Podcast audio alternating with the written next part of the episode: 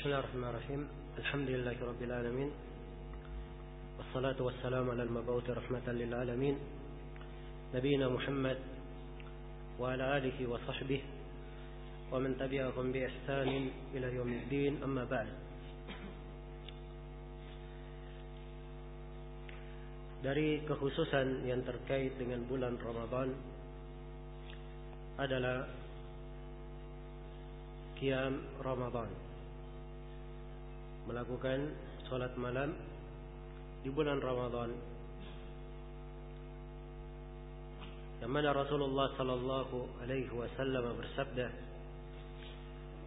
dalam hadis yang diriwayatkan oleh Imam Al-Bukhari dan Imam Muslim dari Abu Hurairah radhiyallahu anhu Man qama Ramadhan imanan wa ihtisaban ghufira lahu ma taqaddama min dhanbi.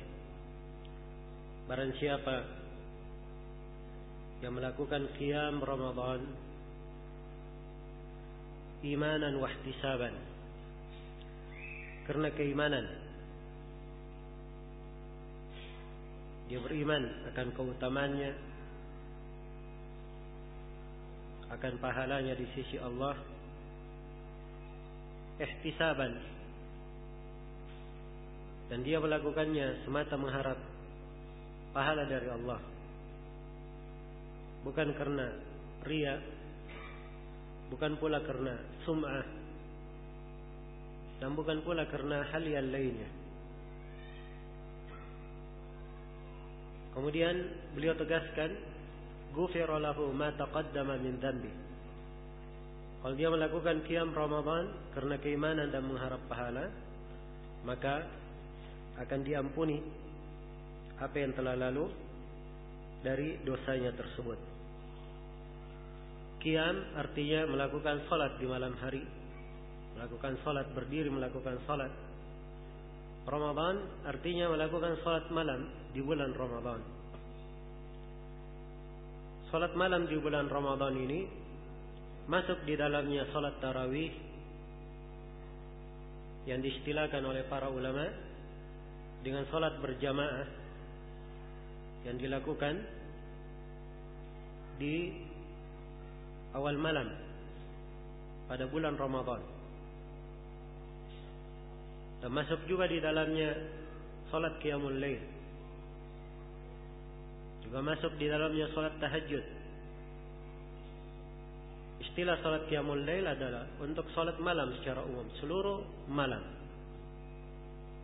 Kalau salat tahajud penggunaan untuk salat malam yang dilakukan setelah tidur. Ya, dinamakan tarawih atau qiyamul lail, salat malam atau salat tahajud. Apabila dilakukan di bulan Ramadan, semuanya masuk ke dalam hitungan qiyam Ramadan. Siapa yang melakukannya melakukannya imanan wa ihtisaban karena keimanan dan mengharapkan pahala akan diampuni apa yang telah lalu dari dosanya.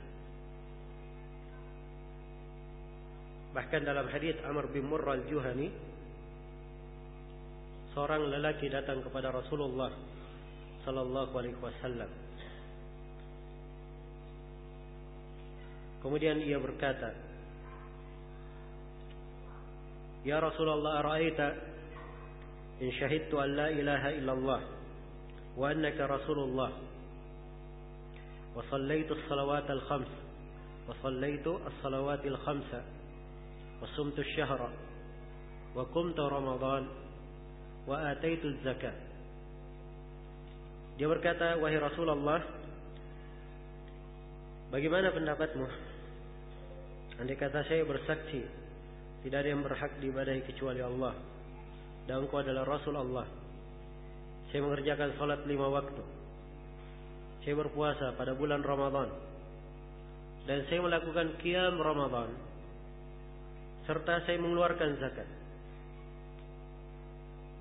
Maka Nabi wasallam menjawab, "Man mata ala hadha kana min as-siddiqin wasyuhada."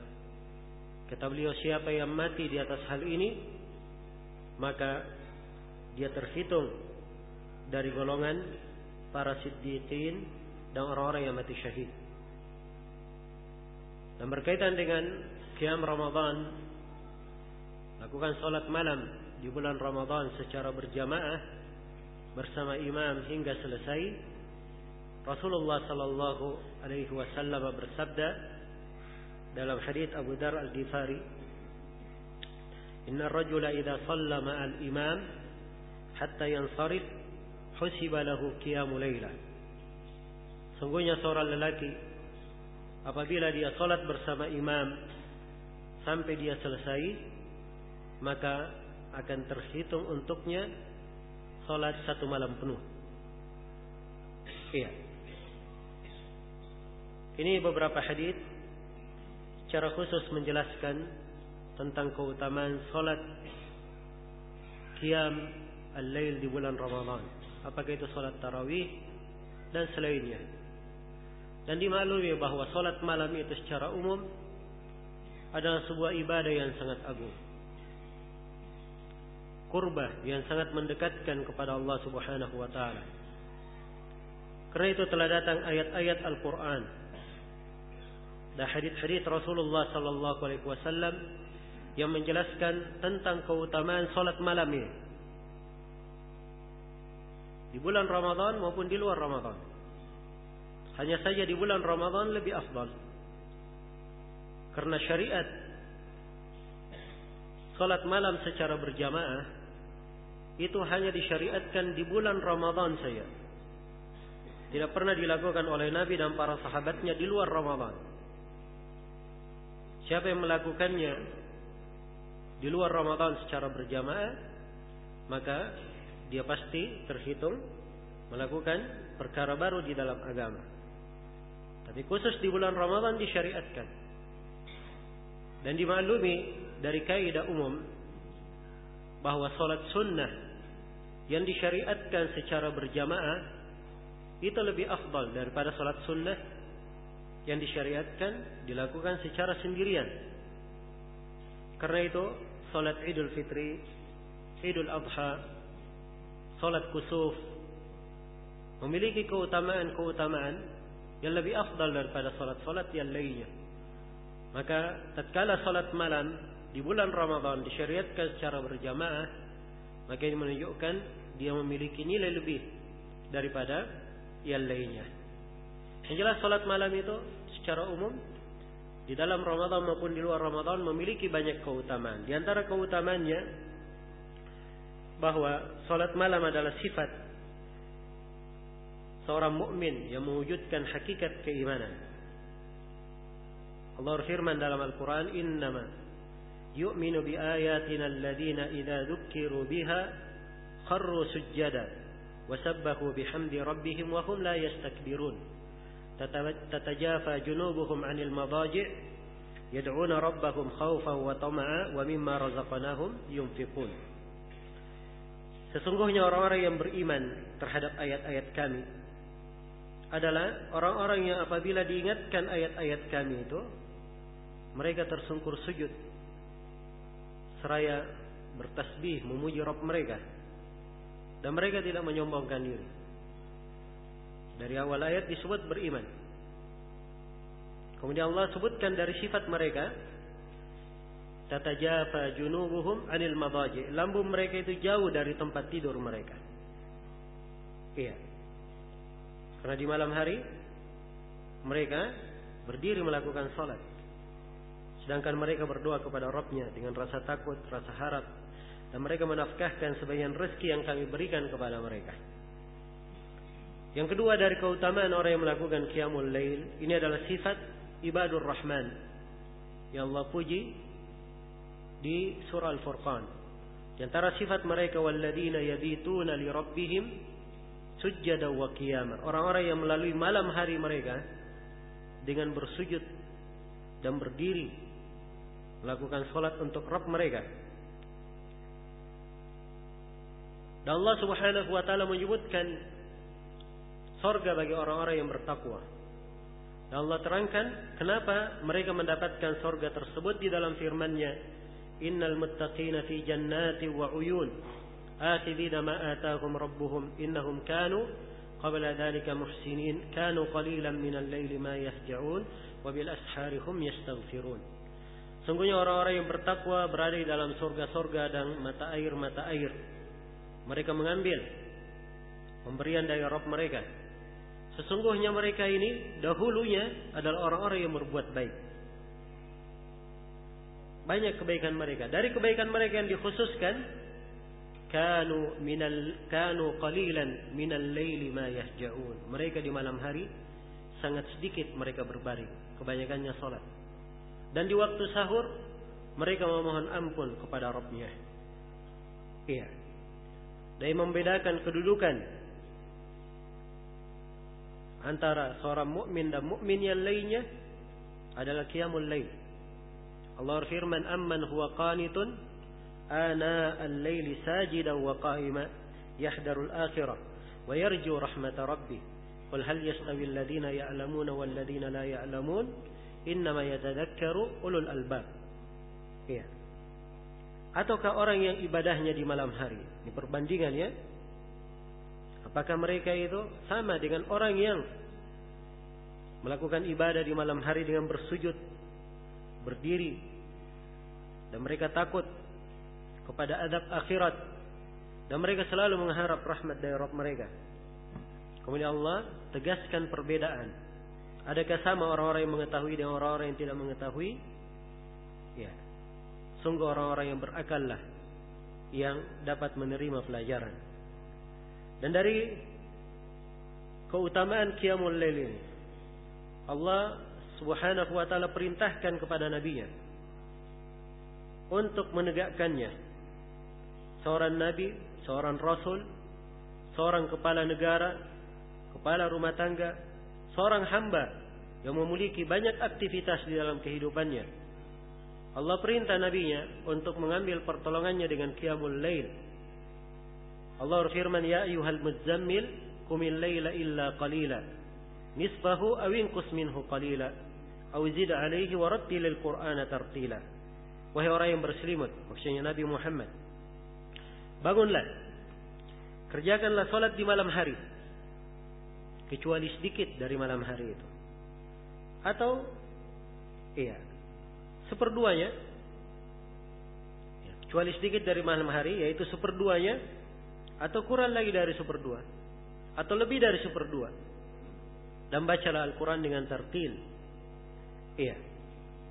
Dan perhatikan tatkala ini diperintah kepada Nabi Muhammad sallallahu alaihi wasallam yang menunjukkan dia adalah suatu hal yang sangat agung. Dan qiyamul lail ini adalah bekal untuk seorang hamba agar dimudahkan pada hari kiamat. Hari yang penuh dengan kesulitan, hari yang penuh dengan prahara, yang setiap dari kita perlu bekal terhadapnya. Allah Subhanahu wa taala memerintah kepada Nabi yang wa minal laili fasjud lahu wasabbihhu lailan tawila. Dari malam hari bersujudlah kepada Allah dan bertasbihlah. Ya, di malam yang panjang. Kemudian disebutkan di dua ayat setelahnya perbandingan antara kehidupan dunia dan di kehidupan akhirat. Kemudian disebutkan juga Ya. Setelahnya bagaimana Allah Subhanahu wa taala memberikan ganti yang selayaknya bagi siapa yang Allah Subhanahu wa taala kehendaki. Karena itu kata Imam Al-Auza'i rahimahullahu taala, barang siapa yang memperpanjang qiyamul lailnya, maka Allah akan memudahkannya ketika berdiri di hadapannya pada hari kiamat. Dan dari keutamaan Qiyamul Lail ini Allah Subhanahu wa taala menjanjikan nabinya maqam mahmud dengan salat malam ini dengan salat tahajud. Allah berfirman wa minal laili fatahajjad bihi nafilatan lak asa yab'athaka rabbuka maqaman mahmuda. Dari malam hari bertahajudlah engkau sebagai ibadah tambahan. Semoga Allah Rabbmu mengangkatmu ke tempat yang terpuji. Iya. Dan banyak lagi ayat-ayat Al-Quran yang menjelaskan tentang keutamaan salat di malam hari. Adapun dari hadis Rasulullah sallallahu alaihi wasallam, qiyamul lail adalah salat sunnah yang paling afdal. Karena itu banyak dari al-fuqaha di pembahasan salat-salat sunnah mereka membuka pembahasan dengan pembahasan salat witir, salat malam hari. Sebab ini adalah salat yang terafdal. Di dalam hadis Abu Hurairah yang diriwayatkan oleh Imam Muslim, Rasulullah sallallahu alaihi wasallam bersabda, "Afdalus salati ba'da al-fariidhah salatul lail. Salat yang paling afdal setelah salat wajib adalah salat malam. Dan di salat malam ini keadaan yang terdekat seorang hamba kepada Rabbnya. Sebagaimana sabda Nabi sallallahu alaihi wasallam aqrabu yakunu ar-rabbu min al-'abdi fi jawfi al-lail al-akhir. Fa in istata'ta an takuna mimman yadhkuru Allah fi tilka as-sa'a fakun. Sedekat-dekat keberadaan Allah terhadap hambanya adalah pada pertengahan malam terakhir. Apabila engkau mampu tergolong kepada orang yang berzikir mengingat Allah di saat itu, hendaknya engkau melakukannya. Iya. Dan solat malam ini adalah hal yang menjaga seorang hamba dari bahaya. Menjaganya dari kejelekan. Menjaganya dari fitnah. Suatu hari Nabi Shallallahu Alaihi Wasallam terbangun di malam hari dan beliau berkata Subhanallah Beliau sebutkan fitnah yang turun dan berbagai perbendaharaan yang terbuka. Kemudian beliau katakan, "Aikidu sawahibati al-hujr, farubba kasiyatin fid dunya ariyatun fil akhirah." Bangunkanlah para para perempuan pemilik kamar. Iya. Disuruh membangunkan agar melakukan salat. Kemudian Nabi ingatkan, kadang-kadang seorang perempuan berpakaian di dunia tapi dia akan telanjang di akhirat. Dan yang menentukan kebaikan seorang hamba adalah salatnya di malam hari di kehidupan dunianya. Iya. Dan salat malam ini adalah lambang penghambaan kepada Allah Subhanahu wa taala tidak ditinggalkan oleh Rasulullah.